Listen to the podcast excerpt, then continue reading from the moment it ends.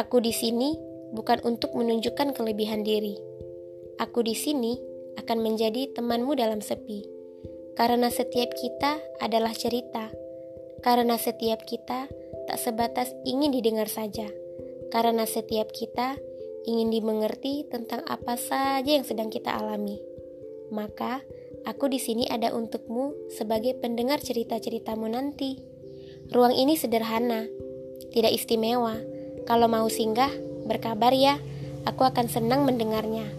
Kalau kamu tidak suka, semoga kita tidak saling mencela. Aku juga sedang belajar menjadi sebenar manusia. Selamat mendengarkan ya.